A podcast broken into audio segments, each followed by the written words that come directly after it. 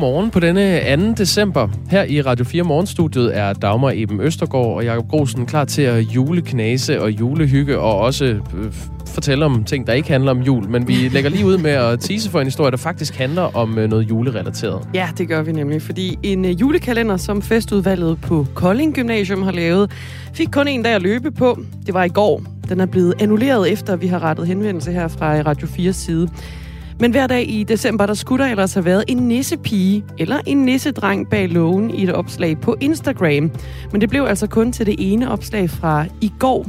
For de 1. decembers øh, nissepige, det var Marie Mancini Jensen fra 1. C, som man kunne se på to billeder, og også en video, hvor hun var ja, beruset, må man sige. Hun prøver ligesom at kæmpe sig op ad en trappe, mens øh, ja, det går ikke så godt.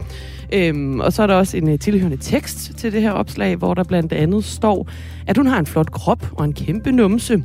Øh, men det kan ifølge en ekspert i krænkende handlinger bidrage til en seksualiseret og alkoholiseret kultur.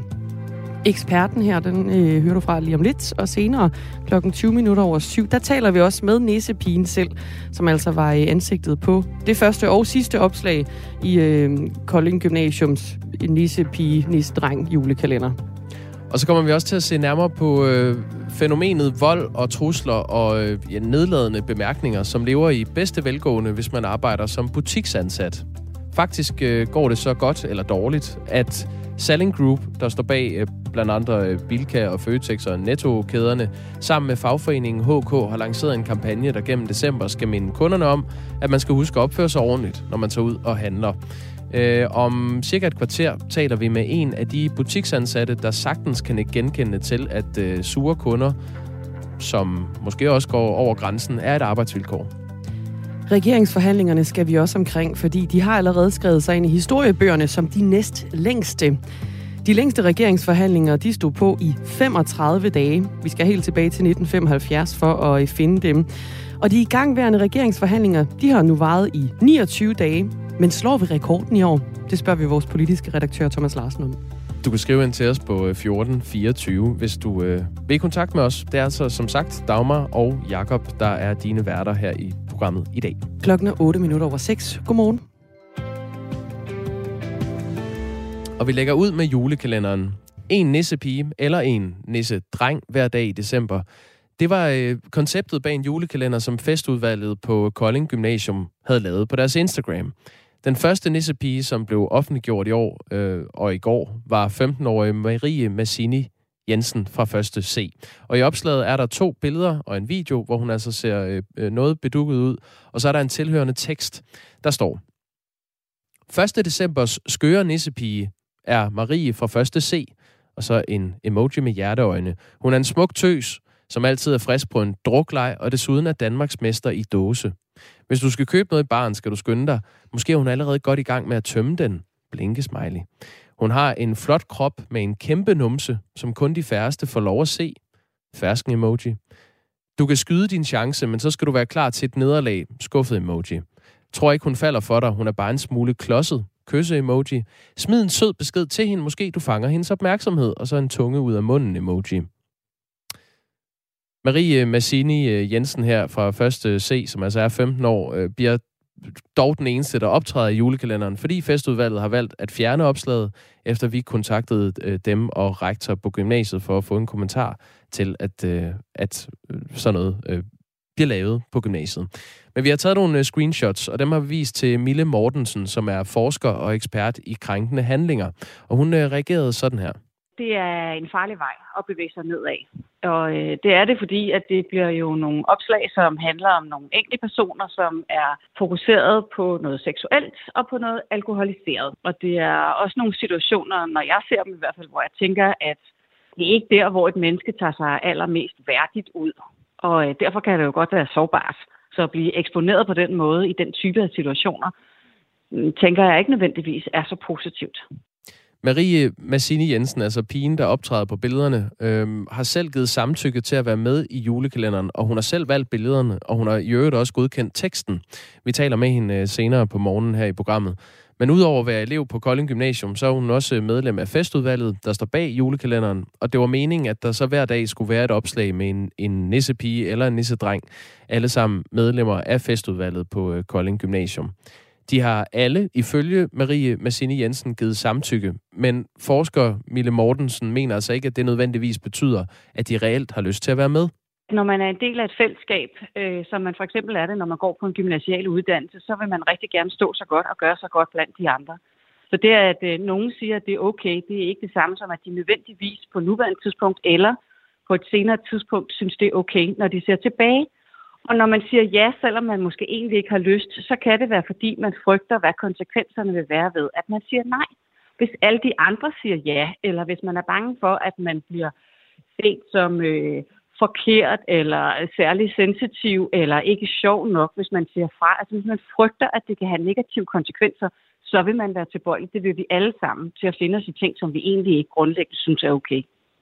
Udover de pointer, øh, forsker Mille Mortensen her kommer med, hun er altså øh, forsker og, øh, og beskæftiger sig med øh, fænomenet krænkende handlinger, så mener hun også, at sådan en julekalender kan have negative konsekvenser for kulturen blandt de unge jeg tænker, det er med til at, øh, at understøtte en seksualiseret og alkoholiseret kultur. Og det er jo ikke fordi, at øh, der som sådan er noget galt i at, øh, at indtage øh, alkohol i begrænsede mængder. Det hører også ungdommen til, men når jeg ser det ene billede, vurderer jeg jo ikke bare at indtage alkohol, så vurderer jeg en, som er temmelig fuld. Det er i hvert fald sådan, det ser ud. Øh, så det bliver jo sådan en øh, forherligelse af en alkoholiseret og en seksualiseret kultur siger altså forsker Mille Mortensen. Organisationen Danske Gymnasieelevers Sammenslutning er talerør for gymnasieeleverne i Danmark. Og her der mener forkvinden Madeleine Stenberg Williams, at julekalendere som den fra Kolding Gymnasium, vi øh, taler om her, den bidrager til en dårlig kultur. Ja, så jeg synes, det er et enormt uheldigt sprogbrug, men igen, hun har givet samtykke til det, så hun har jo selv accepteret det. Men stadig er det også bare meget uheldigt. Altså ude på skolerne skal vi jo ikke seksualisere vores medstuderende. Altså vi er jo alle sammen mennesker, og det kan man jo gøre i det private, men det er jo ikke noget, der skal lægges op offentligt. Og som nævnt, så har festudvalget altså valgt at fjerne opslaget, efter vi kontaktede både dem og også øh, rektor på Kolding Gymnasium, Sune Hoder Petersen, og ham taler vi med klokken øh, lidt over halv ni her til morgen. Forsker Mille Mortensen øh, forstår godt, at festudvalget på Kolding Gymnasium har valgt at slette det her opslag, efter øh, at vi rettede henvendelse. Jeg tænker, at det er en god idé at sige, prøv at høre, det der, det, det synes vi faktisk ikke er nogen god til. Det vil vi ikke være med til at understøtte som uddannelsesinstitution. Vi synes, det er super fint, at I laver en julekalender, og I laver noget sjov, men så må den handle noget andet end om at drikke sig i hegnet, og hvem der eventuelt skal score hvem, øh, hvornår og øh, hvorfor. Det er jo langt fra første gang, at man hører om øh, sådan nogle øh, julekalender, der bliver lavet på gymnasieinstitutioner mm. rundt om i landet. Og Mille Mortensen mener også, at der skal en del til for at forhindre, at øh, der kommer lignende historier i fremtiden. Jeg tror, vi har et, øh, et langt sejt træk foran os nu, som primært handler om at gå dialogens vej. Altså, når sådan noget her jo stadigvæk sker og er langt mere udbredt end... Øh, end øh, vi måske lige umiddelbart tror, så er det fordi, der er rigtig mange samtaler, rigtig mange diskussioner, der mangler at blive taget. De, de unge mennesker, og det er der så i øvrigt også en del voksne, der ikke har, altså det er simpelthen ikke blik for, at det her kan være øh, ja, skadeligt, han har sagt, eller ikke særlig smart eller uhensigtsmæssigt. Det siger Mille Mortensen, som øh, forsker i krænkende handlinger. Og vi kommer til at gå videre med den her historie i løbet af morgenen. Klokken øh, 20 minutter over syv taler vi med 1. decembers næsepige på Kolding Gymnasium, Marie Messini Jensen selv, den 15-årige pige, som øh, er fuld i den her kalender. Og klokken lidt over halv ni har vi rektor på gymnasiet Sune Hoder Petersen med. Du må også meget gerne byde ind på historien her. Hvad mener du om, at julekalendere, der fokuserer på gymnasiernes øh, gymnasieelevernes udseende bliver lagt på sociale medier år efter år. Er det her et udtryk for øh, dårlig kultur, eller er det bare noget, som, kan man sige, hører sig til, når man er ung? Skriv ind på 1424, hvis du har en holdning til, eller måske endda øh, erfaringer med det her. Der er faktisk kommet en sms fra vores lytter hjemme, der skriver, mm. ret bekymrende, at øh, 15-årige øh, bliver kendt som en pige, der er frisk til drukleje. Opmærksomhed for enhver pris. Og nej, det er ikke altid, at forældrene ved, hvad deres børn laver. Men venlig hilsen mig hjem. Gør så mig hjem. Skriv beskeder herhen på 1424. Nå, vi runder lige en, øh, endnu en skuffelse måske ved det øh, igangværende VM. Det tyske fodboldlandshold, de røg ud i går. Ja, Ja. så nu er det ikke kun Danmark, der er skuffet. Eklatant. De vandt jo det hele, tyskerne, i 2014. Øh, men nu er det så for andet VM i træk, de er færdige efter bare det indledende gruppespil. Det er altså øh, efter de spillede i øh, aftes mod øh, Costa Rica. Mm. Tyskerne vandt den her kamp 4-2. Men øhm, samtidig så vandt Japan så 2-1 over Spanien i en anden kamp. Øh, og det var derfor, at tyskerne de endte med den her lange næse. Det betyder nu, at der er øh, 14 hold videre. Øh, England, Holland, Senegal, USA, Frankrig, Australien, Argentina, Polen, Marokko, Kroatien, Japan, Spanien, Brasilien og Portugal er videre til 8. delsfinalerne. Øh, gruppespillet det bliver øh, spillet færdigt i dag, hvor de sidste to hold skal findes. Øh, I den ene gruppe, der er Brasilien videre, øh, de øh, skal så spille mod Kamerun, og øh, Schweiz og Serbien, de øh, spiller også. I en anden gruppe, der er Portugal videre, øh, de skal så møde Sydkorea, og i en anden kamp, der øh, skal Ghana møde Uruguay. Og Ja. så bliver de sidste to hold altså fundet til øh, 8. delsfinalerne, når dagen er omme. Men det her, altså i kølvandet på, at vi har øh, diskuteret den øh, sløje, sløje danske indsats, er der altså andre store nationer, der også ikke har klaret skærene. Jeg ved ikke, om man kan kalde det et plaster på såret. Nej, men på en eller anden måde, så tager det lidt fokus måske. Det er nok meget godt. Det er i hvert fald, øh, de var ikke glade, og der bliver også, kunne jeg se i tyske medier, talt om, at øh, der skal ryddes op i den, øh, i den tyske okay. trup. Det samme gælder i øvrigt for Belgien. Belgien Ja. øh, kunne heller ikke øh, præstere at komme videre, og det er ellers øh, et af de hold, som hver gang der er en slutrunde, bliver regnet som værende favorit. Øhm, Der er altså et eller andet, der er noget spøjs ved det her VM i år. Det er som om det hele spøjs vinder det. på hovedet. Ja, jamen, jeg synes på alle måder har det været den værste VM-slutrunde nogensinde. Og med det går vi videre. ja, okay. 17 minutter over 6. Vold, trusler og nedladende bemærkninger, de lever i bedste velgående, hvis man arbejder som butiksansat. Faktisk lever de øh, så godt, at Selling Group, som står bag blandt andre Bilka, Føtex og Netto, de sammen med fagforeningen HK har lanceret en kampagne, der gennem øh, december måned skal minde os kunder om, at vi skal huske at opføre os ordentligt, når vi tager ud og handler. Den øh, dårlige opførsel fra øh, kunderne er ifølge butikskoncernen og fagforeningen kun blevet værre. Og julehøjtiden, som øh, presser sig på, hvor øh, fyldte butikker og julestressede danskere bliver øh, hverdag, øh, det gør, at de nu frygter, at det bliver endnu værre. Michelle Samsing, godmorgen. Godmorgen. Du er salgsassistent i Føtex i Vandløse, og så er du er også øh, tillidsrepræsentant. Og en af dem, som altså nikker genkendende til den her problematik, vil du ikke lige prøve at øh, starte med at forklare, hvad, øh, hvad skal man finde sig i og lægge øre til, hvis man arbejder i en butik som Føtex? Jamen altså, vi er jo øh, ret udsat i og med, at vi, øh, vi står på gulvet og øh, får rigtig mange af de verbale tæsk fra, fra kunderne i forhold til prisstigninger. Øhm, der, hvis der er kø i kassen, øh, mangler der varer, kan man blive verbalt overfuset. Øh, følger man reglerne for eksempel for returneringer, som er øh, en af de ting, vi i hvert fald har oplevet nogle gange, øh, så er det for dårligt, og kunderne kan finde på at... Øh, at være rigtig grove i munden, og øh, vi Hvad- har også Hvad været siger de for, for eksempel? Jamen altså, de kan jo finde på at spørge, om man er, øh, man er dum, og øh, kunne man ikke lige tage at finde sig et ordentligt arbejde, fordi at øh, når man bare er i butik, så er man jo ingenting. Øh, eller også så står man over for nogle bestemte mennesker, jamen så kan de også spørge, om man er racist, fordi at man ikke vil, øh, vil, vil bøje reglerne for dem. Mm. Hvad, hvad, hvad, hvad, hvad er den værste oplevelse, du har været udsat for? Jamen, øh, jeg har været øh, udsat for også at blive øh, altså overfuset på grund af prisstigningerne her for nyligt. Fordi at øh, det var for dårligt, vi manglede varer, og det var blevet øh, ekstremt siden krisen gik i gang. At øh, vi havde aldrig de varer på hylderne, folk skulle bruge, og vi var ikke øh, nok mand på gulvet. Øh, hvor at jeg også fortæller hende, jamen, vi gør det så godt vi kan, og alle er i krise, og det er også svært at skaffe varer. Så vi, vi, har, vi har alle sammen frustrationer, men vi er nødt til også at øh, kanalisere det ud, hvor at det giver mening i stedet for at gøre det på, over for en medarbejder. Og man må sige, at øh, prisstigninger, det, det kan ikke ligge på dine skuldre, Michelle øh, Samsing, salgsassistent i øh, Føtex i Vandløse og tillidsrepræsentant. Hvad for en følelse står du tilbage med, efter du er blevet overfuset på den her måde? Altså, jeg vil sige, det for, for mig så øh, gennem mange år har jeg blot opbygget en form for robusthed, men, men det påvirker jo også resten af vores arbejdsdag og hinanden, og også samtidig, når man kommer hjem og har fri, fordi vi er jo også mennesker med familie derhjemme. Øh, man må gerne være frustreret, men det skal bare ikke gå ud over os, øh, der egentlig prøver at passe vores arbejde og yde en god kundeservice og gøre det så godt vi kan. Øh, altså kunderne skal jo være glade for, at der er nogen, der gerne vil deres arbejde og gerne vil yde en god kundeservice og sætte pris på, at vi er der jo for at hjælpe dem. Ja, hvis I ikke er der, så er der jo heller ikke en øh, Føtex, kan man sige. Øhm, der er en undersøgelse fra 2022, altså i år, som viser, at 80 procent af fagforeningen HK's medlemmer inden for butiksområdet i løbet af de seneste 12 måneder har oplevet at blive talt grimt til af kunderne.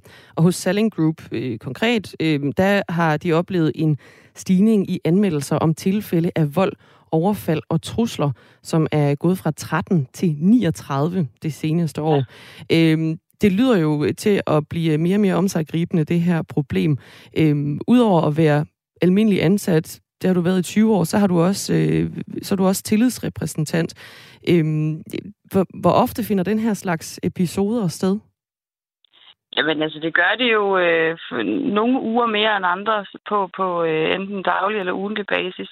Øh, det, det sker ret ofte, at, øh, at man lige får et øh, verbalt møgfald med på vejen. Øh, os, der har været der i mange år, de, vi har jo oplevet en hel del, øh, både fysisk og verbalt, øh, med overfusende kunder, der måske, og vi kan sige fra over for dem, mange af os, men øh, altså, dem, der måske lige har fået deres første job, de står muligvis ikke lige så stærkt. Øhm, så der har vi jo øh, der har vi jo et stort problem i, at, øh, at de, de lader frustrationerne gå ud over dem på, øh, altså på, på en øh, på ugentlig basis, fordi så er det jo heller ikke rart at gå på arbejde. Altså en ung kasseassistent, de kan jo gå hen og blive en menneskelig skraldespand for kundernes personlige frustrationer.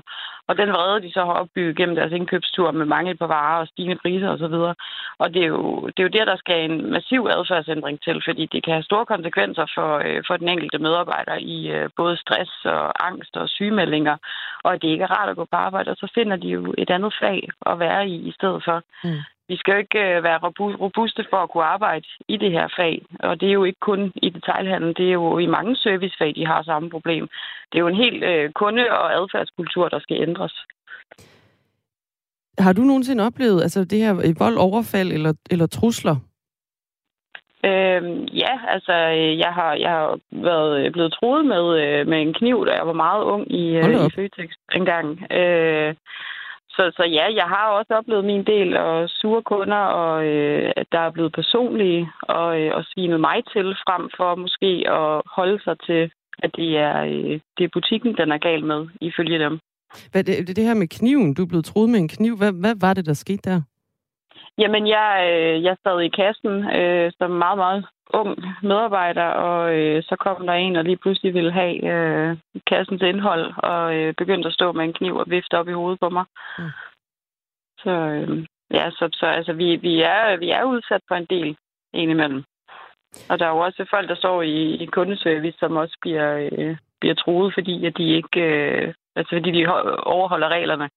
Mm. Med for eksempel retur, eller hvad det kan være. Der var jo et strålende eksempel fra en, øh, fra en butik her forleden dag også, som, øh, som havde en kunde, der stod og gik amok med en støvsuger. Og det er jo også et klasse eksempel på, at det, det går for vidt. Ja, hvad, hvad, den må lige uddybe. Jamen, der havde været en episode med en øh, kunde, der havde stået og banket et støvsugerrør ned i en, øh, i en støvsuger i en øh, kundeservice. Og øh, der var rådet støv ud over det hele, og det havde jo skræmt den medarbejder, der havde stået bag ved kassen. Mm. Øh, fordi at de muligvis ikke havde, kan man sige, undsagt fået deres vilje. Kunden har altid ret af en øh, gammel traver i servicebranchen. Øh, hvordan forholder man sig til det i øh, situationer, hvor man føler, man bliver behandlet dårligt? Jamen, det er jo en, øh, det, det er jo igen, som du siger, en gammel traver. Det er jo et forældet system, at kunden altid har ret, for der er jo også begrænsninger på den. Øh, der er jo nogle, nogle regler, der skal overholdes i forhold til, til hvad at virksomhederne melder ud med for eksempel returregler, og man skal huske sin bong og så videre. Og det, altså det, det, det gør jo bare, at folk de stadigvæk holder sig til den, at jeg har ret, så derfor skal jeg have min vilje. Og det er jo lidt en, en forkælet øh, måde at, at stille det op på, mm. i min optik i hvert fald. Men når man nu arbejder i en butik, som for eksempel en Føtex, hvor, hvor du arbejder, Michelle Samsing, hvor øh, menneskelig kontakt jo er en ret almindelig del af en arbejdsdag også, fordi det er et, et servicefag, kunne man så ikke også godt argumentere for, at risikoen for den her type sammenstød, vi taler om her, er lidt et arbejdsvilkår? Altså, det mener jeg ikke. Jeg mener, at vi, øh, vi selvfølgelig har, øh, har nogle ting, vi, øh, vi skal lægge øre til, men, men vi skal ikke finde os i hvad som helst. Altså, de må meget gerne brokse over øh, virksomhedens interne regler, men så, når kunderne begynder at blive personlige, så er det der, hvor det begynder at gå over vores grænser. Okay, så det, er, de, det er ligesom dertil og ikke længere? Det synes jeg. Øh, det, det er ikke, øh, vi, vi repræsenterer virksomheden, øh, og så skal man ikke gå ind og, og blive personlig, øh, personlig frustreret på folk. Fordi det gør altså også, at mange de eventuelt begynder at beskylde en for at være noget, man ikke er, eller spørge, om man er, man er dum. Og ja, der er mange eksempler på, hvordan det, at det kan gå. Michelle Samsing, salgsassistent i Føtex i Vandløse og tillidsrepræsentant. Tak fordi du var med. Velkommen. Altså ovenpå, at uh, Selling Group og uh, fagforeningen HK har lanceret en kampagne, som lige skal minde os kunder om her igennem december, at vi skal opføre os ordentligt, når vi tager ud og handler. De 20 år, jeg var i butik, havde kunden altid ret. På nær, når de ikke havde det, er der en, der skriver øh, på 1424. Og Jesper skriver, man skal også lige huske på, at det heller ikke altid er medarbejdere, der opfører sig pænt over for kunderne. Ikke for at forsvare den opførelse fra kunderne, skriver Jesper. Tak for sms'erne. De kommer ind på nummeret, der hedder 1424. Du er også velkommen til at byde ind. Altid. Radikale Venstre, SF og Venstre mener, at det skal være muligt for skoleelever at møde senere i skole. Emil Slot Andersen er børne- og ungdomsordfører for Radikale Venstre i borgerrepræsentationen i Københavns Kommune, og han fortæller, at en øh, mulig model kunne være at rykke mødetiden en halv time, eller lave differentierede mødetider, så øh, eleverne møder på forskellige tidspunkter, alt efter om de er A- eller B-mennesker. Og det skal så være op til den enkelte skole, om de vælger den ene eller den anden model, mener han. Når vi stiller det her forslag, så er det fordi, vi kan se øh, fra radikale side, at der ikke rigtig sker nok taget betragtning, at vi jo har den her enormt vigtige viden fra, fra feltet kronobiologi, som fortæller os fuldstændig tydeligt, at øh, unge de fungerer altså bedre lidt senere på morgenen end, end andre aldersgrupper. Og hvis vi vil sørge for, at øh, unge lærer så meget som muligt og trives så godt som overhovedet muligt, så skylder vi altså at tage det en, en del mere alvorligt, hvad, hvad kronobiologien siger, nemlig at de har bedre gavn af at møde lidt senere. Det siger Emil Slot Andersen, børne- og ungdomsordfører for Radikale Venstre i borgerrepræsentationen i København. Ulrik Gos Iversen er forstander på øh, det, der hedder Bagnehøj Efterskole, og så er han bestyrelsesmedlem i Efterskoleforeningen. Og han er jo også medlem af Enhedslisten. Og han mener ikke, det er en god idé, at eleverne får lov til at møde senere. Ja, altså jeg mener, der er, øh, at jeg har to pointer, som jeg gerne vil, øh, som jeg gerne vil fremhæve. Det ene handler om de unge søvn, og, øh, og, og, og går meget konkret på det forslag, som er stillet her. Og, og der mener jeg jo, at, at det adresserer de forkerte problemer, der adresserer problemstillingen på den øh, forkerte måde. For der er ingen tvivl om, at de unge får for lidt søvn. Det er veldokumenteret, at de sover mindre i dag, end de gjorde tidligere. Men der mener jeg jo, at årsagen til det skal findes i deres øh, forbrug af medier, deres forbrug af sociale medier og digital underholdning osv. Øh, og, ikke, øh, og, ikke, og problemet er ikke, at de øh, øh står for tidligt op. Altså problemet er snart, at de går for sent i seng. Og der mener jeg, at, at vi skal have forældrene på banen. Vi skal have nogle forældre, der tør stille nogle øh, krav til deres børn, og tør sige, nu er der altså tid til at komme i seng. Øh, frem for, at, øh, at man, man vender om på det og siger, at nu skal I møde senere. Og dermed stiller forældrene dårligere i den øh, diskussion eller den kamp, de må have med, med deres børn for forhold til at få dem i seng.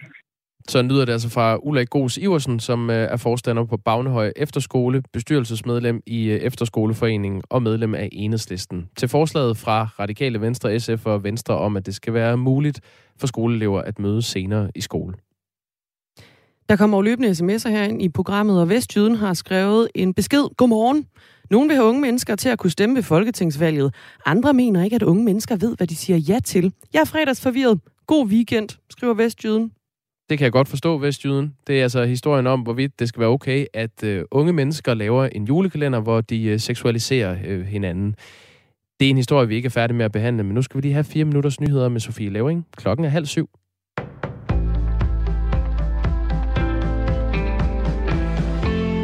Mange kommuner har svært ved at holde løftet om at give alle gas- eller oliefyrsejere klar besked inden nytår om, hvorvidt de kan få fjernvarme, det skriver politikken. Flere kommuner oplever, at udrulningen af fjernvarme står til at blive noget dyrere end forventet.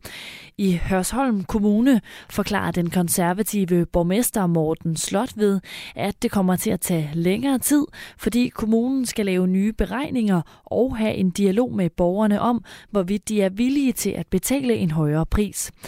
Kommunernes landsforening bekræfter over for politikken, at problematikken er udbredt i hele landet. I april sagde den nu fungerende statsminister Mette Frederiksen, at alle, som i dag ejer et gas- eller oliefyr, inden årets udgang skal have klar besked om, hvorvidt de kan få fjernvarme eller ej. Og udmeldingen kom som en del af en plan for, hvordan Danmark hurtigst muligt kan blive uafhængigt af russisk gas. Antallet af langtidsledige blev ved med at falde i oktober, og i september var tallet ellers det laveste i 26 år. Det viser tal fra Styrelsen for Arbejdsmarked og Rekruttering ifølge Dansk Erhverv. Christian Skriver, der er seniorøkonom i Dansk Erhverv, kalder faldet en fremragende nyhed. Dansk økonomi er braget ud af coronakrisen med høj vækst, og virksomhedernes efterspørgsel efter arbejdskraft er stor, skriver han til Ritzau. Efterspørgselen betyder, at mange ledige nu igen har fundet fodfæste på arbejdsmarkedet. Coronapandemien har ført til, at et stigende antal danskere mistrives og føler sig uden for samfundets fællesskaber. Det gælder særligt de svageste i samfundet. Det viser en ny rapport fra Trykfonden og Maryfonden. Der er ingen tvivl om, at det har spillet en stor rolle, da coronapandemien satte en stopper for mange af samfundets normale aktiviteter. Det siger Christian Weise, der er underdirektør i Trykfonden hvis man i forvejen var en, der ikke havde så stor en social omgangskreds, øh, eller hvad hedder det, kom ud og deltog i diverse aktiviteter, jamen så har det haft en større konsekvens under coronapandemien, hvor at man øh, har skulle gøre noget ekstra for at opretholde de her normale aktiviteter. I rapportens måling er befolkningen delt op i tre grupper. Majoritetsgruppen, risikogruppen og eksklusionsgruppen. Majoritetsgruppen trives grundlæggende og har adgang til de fællesskaber og aktiviteter, som de ønsker. I risikogruppen er der mindre deltagelse i fællesskaberne end flertallet, og personer i gruppen føler sig oftere ensomme eller kæmper med fysiske eller psykiske helbredsproblemer. Og det er særligt i de to kategorier, hvor der er sket et ryg fra den ene gruppe til den anden. Medarbejderne har frosset, selvom de har brugt både sweater, vanter og tæpper. Så nu har Struer Kommune ifølge TV2 valgt at skrue op for varmen fra 19 til 20 grader. Det har været stor opbakning til de 19 grader, men arbejdsmiljøet har lidt under det. Det siger Jørgen Bæk Ladekær, der er centerchef for teknisk drift og anlæg i Struer til TV2. Og han fortsætter, og siger, at det er, har særligt ramt dem, der sidder ved computeren hele dagen, og derfor har vi valgt at skrue op for temperaturen. Kommunen har i oktober måned ellers sparet 40 procent i forhold til sidste år ved at skrue ned til 19 grader. Mest skyet med enkelte byer og temperatur omkring 4 grader.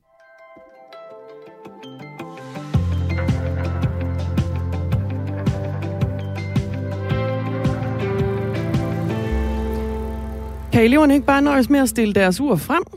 På den måde kan de selv vælge, hvornår de møder i skolen. Det lyder i forslaget fra Per Tidemand fra Hørsholm. Det er smart tænkt, Per.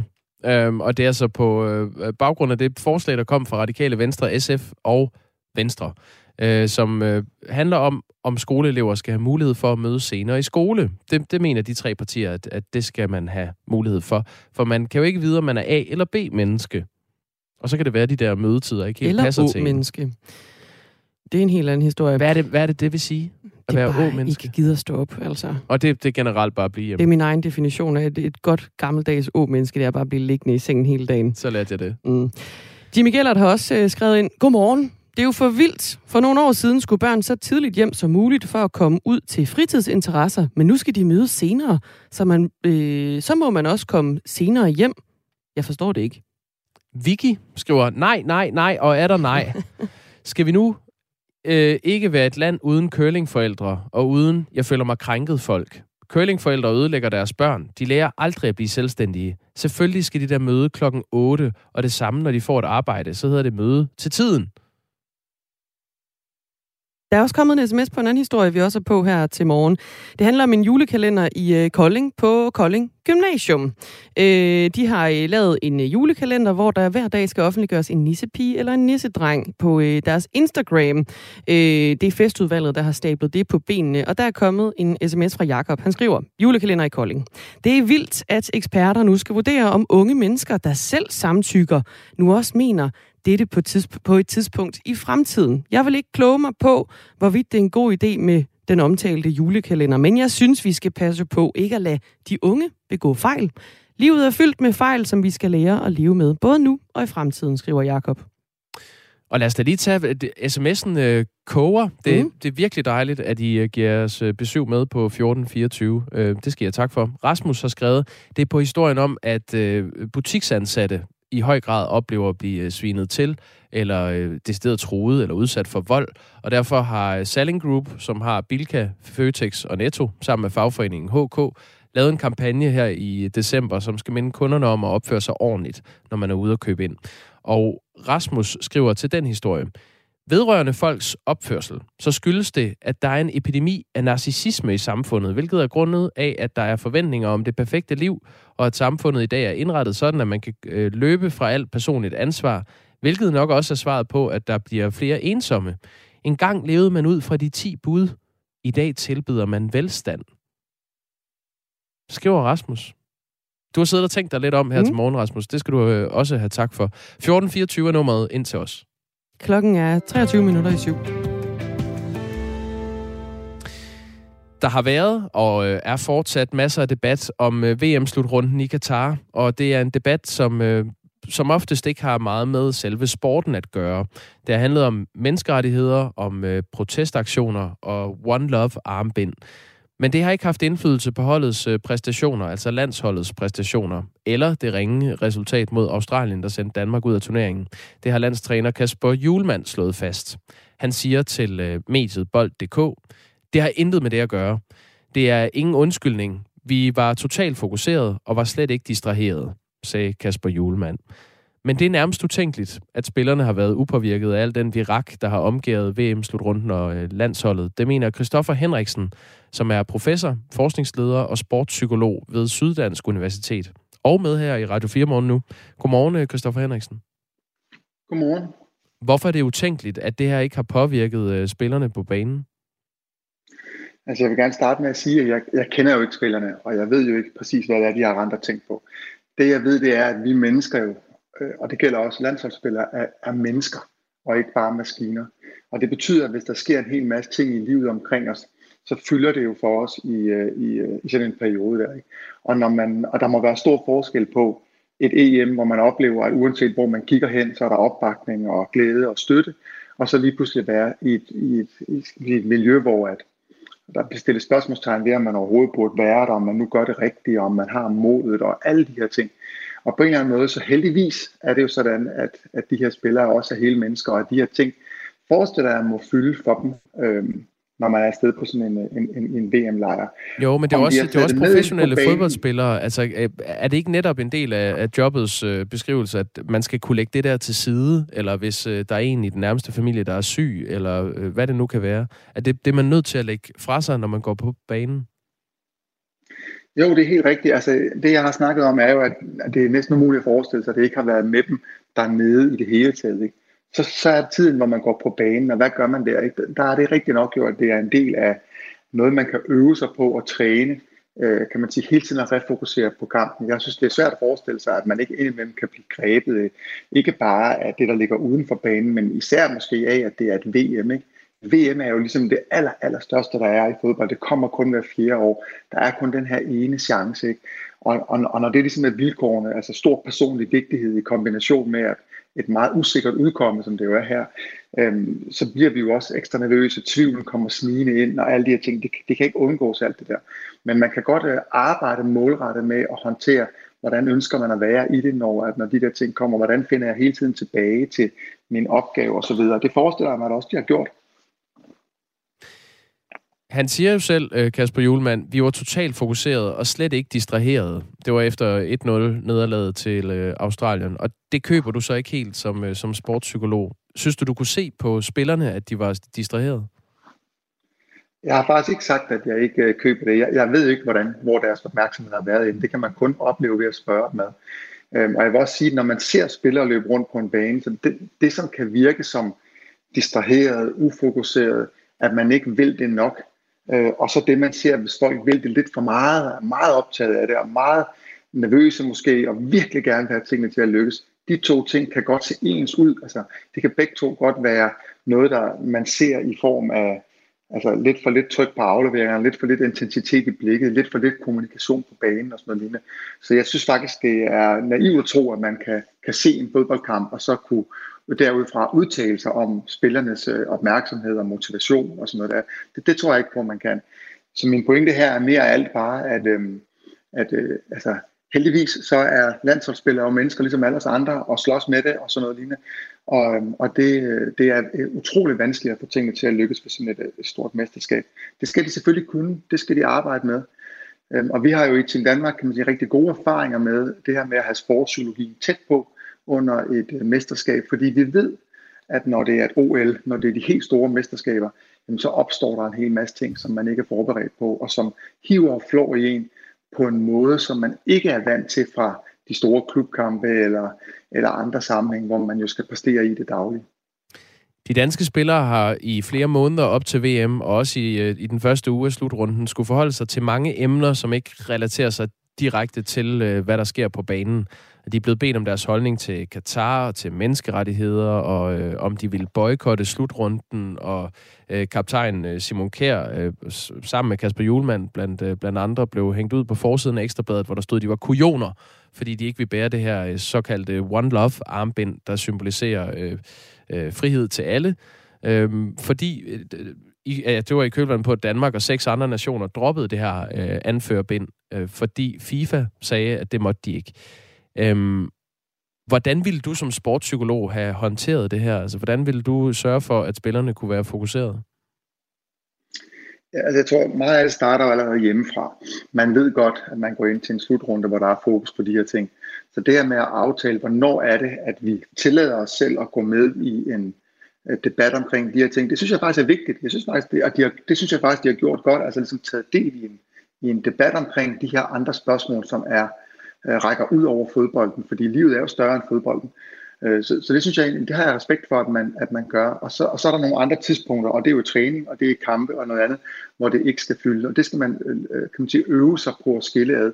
Det forestiller jeg mig egentlig også, at de har, har snakket om og har gjort det, men det, det vil man bruge en del krudt på. Og så kan man jo arbejde med de enkelte spillers evne til, når de opdager, at deres tanker ligesom trækker i den retning. Hvordan finder jeg sig tilbage på sporet på opgaven? Og der tror jeg, det er rigtig vigtigt, at man ikke bilder sig ind, at man kan holde fokus i sådan et miljø. at Det man kan, det er, at man kan lære at refokusere. Fordi det er meget, meget menneskeligt, at, øhm, at ens opmærksomhed, når man er i sådan et stort virak, indimellem smutter væk, og at de der ting påkalder sig opmærksomhed. Også selvom man vil ønske, at der ikke var andet til stede end, øh, end ambitionen for den næste kamp. Hvis vi lige skal skrue tiden halvandet år tilbage øh, til, øh, til EM i fodbold, som blandt andet blev spillet i, øh, i Danmark, øh, en af grundene til, at alle fodboldfans er så skuffet lige nu, er jo præcis øh, de samme spillere, som gjorde det fremragende ved det her EM øh, sidste år, var på banen i Katar.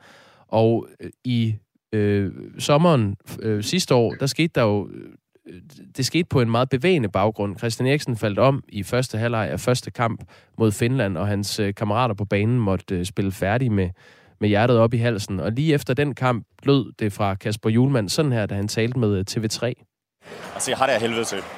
Men altså, det er klart, at, at når en af vores egne ligger der og kæmper, jeg har meget, meget sjældent været så stolt over, over nogle drenge. Ja, det var øh, meget rørende, og hele nationen var med. At vi var imponeret over, at de overhovedet kunne øh, gå på banen til anden halvleg. Og pludselig så var de i semifinalen. Øhm, der spillede de jo også med tankerne et andet sted. Ser du nogen øh, væsentlig forskel på de to forløb? Ja, det gør jeg. Altså sommeren, altså EM var jo sådan the perfect storm, ikke? Det var genforelskelsen mellem nationen og, og landsholdet. Det var øhm, altså fuld opbakning og fuld støtte alle vegne fra. Så er det rigtigt nok, så var der noget uden, udenfor, der fyldte rigtig meget. Og, og, og i det her tilfælde var det Christian Eriksens øh, ulykke der, ikke? Og, øhm, men det var jo sådan, at man følte, at man kæmpede for noget større. Lige pludselig så blev fodbolden altså det blev, den trådte næsten i baggrunden, ikke? og at man kæmpede for noget, som rakte ud over fodbolden, og som var dybt meningsfuldt for de her øh, spillere. Man kan sige, nu kæmper man ikke for noget større, nu kæmper man imod noget større end fodbolden. På grund af de beslutninger, FIFA har truffet, kan man sige, så står man lige nu i, det stik modsatte scenarie, ikke? hvor man på en eller anden måde skal prøve på at kæmpe imod og stå imod og sådan nogle ting. Noget af det, som egentlig er, er det, der er større. Og det er jo virkelig enormt synd for de her spillere, fordi fodbolden har jo potentiale til at binde mennesker sammen, til at vise vejen ind i fremtiden til at, og, til at vise os, at der findes noget, som er større end resultater, der stadigvæk kan udspille sig under en slutrunde. Men den måde, det er blevet håndteret på af det internationale fodboldforbund i år, altså, der, der er det jo lidt det modsatte, der er sket. Ikke? Øhm, og det er virkelig enormt synd for de her spillere, at de så skal til at slås med alt muligt andet, der, der ligger uden for, øhm, uden for sporten. Tak skal du have, Christoffer Henriksen. Velbekomme. Altså professor, forskningsleder og sportspsykolog ved Syddansk Universitet. Øhm, Michael skriver, så er vi i gang med den danske disciplin at finde undskyldninger på indlysende ting. Holdet spillede dårligt uanset hvad. Bild mig ikke ind, at de løb rundt og tænkte på de stakkels migrantarbejdere, der byggede stadion, eller at homoseksuelle ikke måtte kysse offentligt. De formåede ikke at spille det angrebsspil, der er den eneste vej til at vinde. Hver gang de spiller angrebsspil, så lykkes det oftest. Hvorfor skal en forklaring fra DBU øh, og en psykolog ind over nu? Måske skulle man lytte til julemand, som sad på hesten. Er et indspark fra Michael. Vicky har også et indspark. Lad os nu bare kalde en spade for en spade. De spillede bare sindssygt dårligt, og sådan er det. Ingen grund til at køre rundt i det. Kim Vilfort havde om nogen noget at tænke på i 92, men han spillede en genial kamp.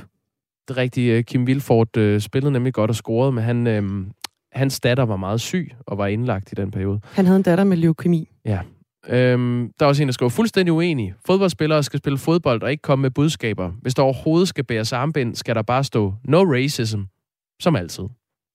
Du kan også sende sms'er hen. Det gør du på 1424. Hver uge spiser en kendt dansker sit sidste måltid på Radio 4. Frederik Silius efterlader sin hustru Anne mm. og sønnerne Dirk og Geo. Ja. Og sammen med vært Lærke Kløvedal skriver gæsten sin egen nekrolog. Æret være hans minde.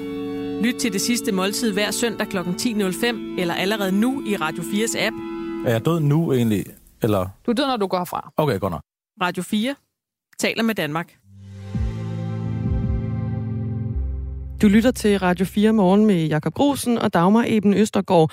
Uden for det her studie, der er der også kyndige folk, som er på arbejde lige nu her i de øh, tidlige morgentimer, fordi programmet er jo ikke øh, færdigbagt, når vi møder ind tidlig morgen. Der er stadigvæk øh, historier, som vi gerne vil have med, som vi ikke har planlagt på forhånd. Og øh, Benjamin Hørlyk Munk, du øh, sidder lige nu og arbejder på en historie, ved jeg, om øh, gældstyrelsen. Hvad er det, den handler om? Ja, det er rigtigt. Jeg prøver at få øh, Peter Bjerre Mortensen med, som er professor og ekspert i forvaltning ved Aarhus Universitet. Mm. Og det gør jeg, fordi at 138.000 øh, danskere skylder penge til gældsstyrelsen. Og det i sig selv er jo ikke som sådan et problem, men det er et problem, fordi de ikke kan få lov til at betale de her penge tilbage. Okay, de er øh, låst i gælden. De er låst i gælden, og det er simpelthen fordi, at øh, når man forsøger at betale gælden tilbage, det har Berlinske flere eksempler på øh, med folk, der har gjort, så får de simpelthen bare pengene retur, fordi at gældsstyrelsen ikke er inddrivelsesparat, som det hedder. Og det er fordi, de skal, have, øh, altså, de skal være sikre på, gældsstyrelsen, at de har lov til at inddrive øh, de her penge. Efter et par øh, skandaler med skat blandt andet, så er lovgivningen blevet strammet lidt, så Øhm, de her mennesker, de er låst i, i gælden, som du siger, ja. og det betyder, at de ikke kan få lov at købe hus eller bil, øh, og nogen kan heller ikke få deres overskydende skat tilbage. Og det drejer sig om folk, der øh, altså der er en, der skylder helt ned til en øre, som hun simpelthen har forsøgt at betale, og som hun så har fået igen. Øh, og der er også eksempler med folk, der skylder 200 kroner, øh, som de ikke kan få lov at betale, og dermed øh, ikke kan få lov at købe hus øh, eller bil. Øh, så det... Du forsøger lige nu at få øh, en med på et interview på den historie. Hvad, hvad er det vigtigste spørgsmål, vi skal have svar på? Jamen, det vigtigste spørgsmål er vel, øh, hvorfor man ikke kan lave et system, der fungerer bedre, så de her øh, mennesker ikke er låst i den her gæld i, i mange tilfælde i flere år. Øh, og, og man snakker også om, at der ikke kommer en reel løsning før 2030. Så der er nogle af de her eksperter, der, der råber lidt på, at politikerne kommer på banen. Så øh. Gældsstyrelsen kan blive inddrivelsesparat. Præcis. det er smukt, Benjamin. Du skal ud og øh, ringe videre, ved jeg. Tak fordi du lige kom herhen forbi. Selv tak. Må jeg sige, det der gør, at, øh, at politikerne kan være klar, det er, at der er en, øh, en duelig regering. Og det er jo ikke lige noget, vi har endnu. Vi har bare en fungerende. Der er, regeringsforhandlingerne trækker i lang, langdrag, og det skal det handle om nu. Regeringsforhandlingerne de er nemlig de næst længste i Danmarks historien. De længste varede 35 dage, tilbage i 1975. Det endte med en socialdemokratisk mindretalsregering, hvor øh, Anker Jørgensen han øh, blev statsminister. De nuværende regeringsforhandlinger, som øh, Mette Frederiksen leder, har varet i 29 dage i dag, og runder altså en måned i morgen. Thomas Larsen er politisk redaktør på Radio 4. Godmorgen. Godmorgen. Hvorfor kan regeringsforhandlingerne fejre en måneds fødselsdag i morgen? Ja, det kan de jo nok, fordi at det på mange måder er et øh, nyt og, og ukendt politisk landskab, som øh, de, de mange forhandlere de befinder sig i lige nu. Altså man kan sige det kort, vi har været vant til blokpolitik igennem en lang årrække, og nu er den store opgave at forsøge at bygge bro og opløse blokkene, altså hvor det er gamle modstandere, der skal finde sammen. Og det er altså en, øh, en øvelse, der også kræver, at man skal blive enige om en øh, masse ting, hvor man øh, måske tidligere har været uenige. Det handler også om at finde en grundlæggende øh, tillid. Øh, så det er simpelthen det, der er, vi er vidne til i, i øjeblikket, og det tager helt øjensynligt øh, rigtig øh, lang tid, øh, det hele. Så er det også klart, at når et regeringsgrundlag på et tidspunkt øh, formentlig og forhåbentlig øh, altså skal præsenteres og lægges frem for øh, befolkningen, så skal de øh, enkelte partier jo kunne se sig selv i det. Altså de skal simpelthen kunne se, at de får en række af deres vigtige øh, mærkesager øh, med i sådan et øh, grundlag. Det er ret øh, afgørende.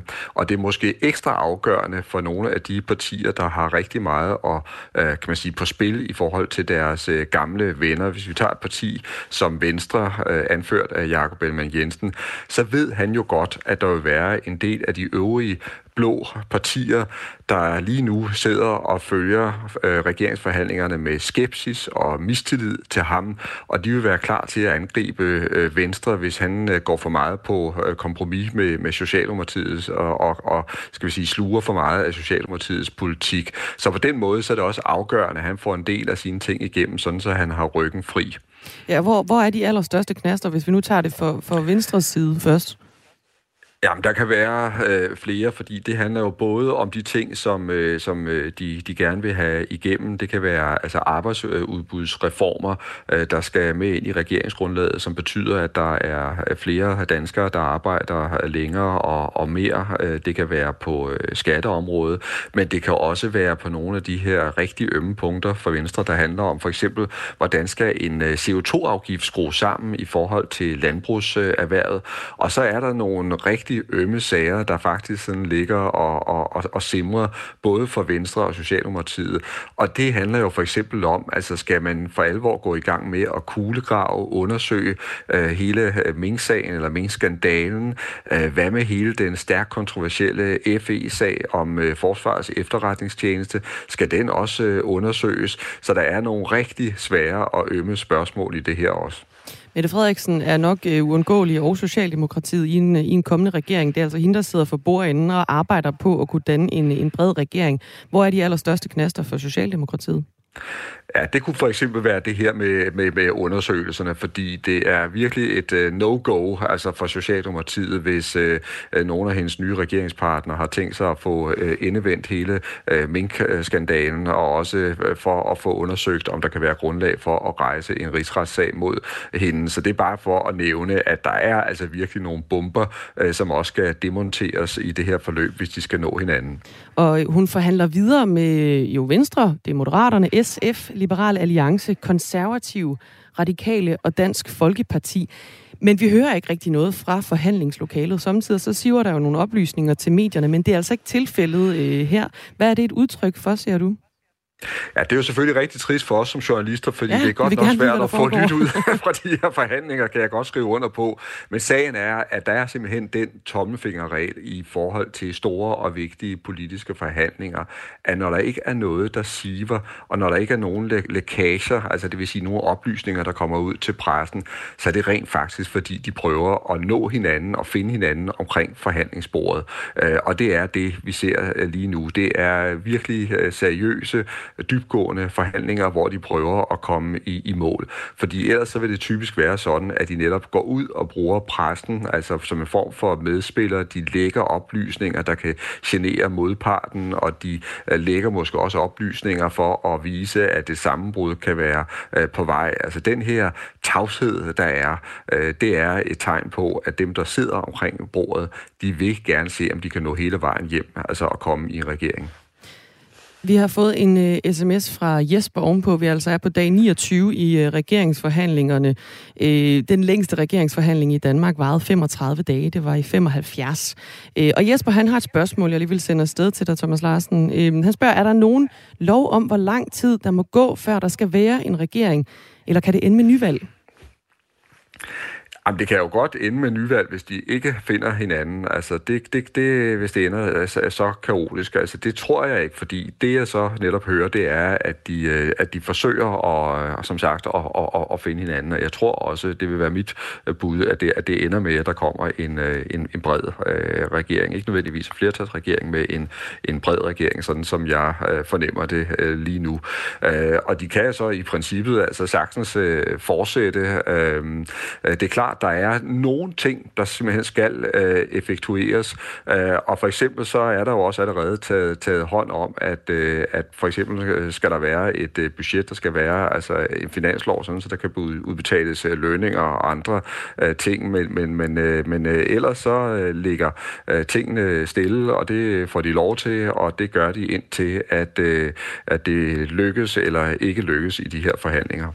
Og øh, på torsdag i næste uge, der rammer øh, de igangværende regeringsforhandlinger 35 dage, og tangerer jo dermed rekorden fra øh, 75. Øhm, slår vi rekorden i den her omgang, tror du? Eller har vi rent faktisk en regering inde på torsdag? Ja, nu er vi ude sådan i disciplin, der hedder sådan uh, spotdomskunst, ikke? Og ja. det er selvfølgelig altid uh, risikabelt.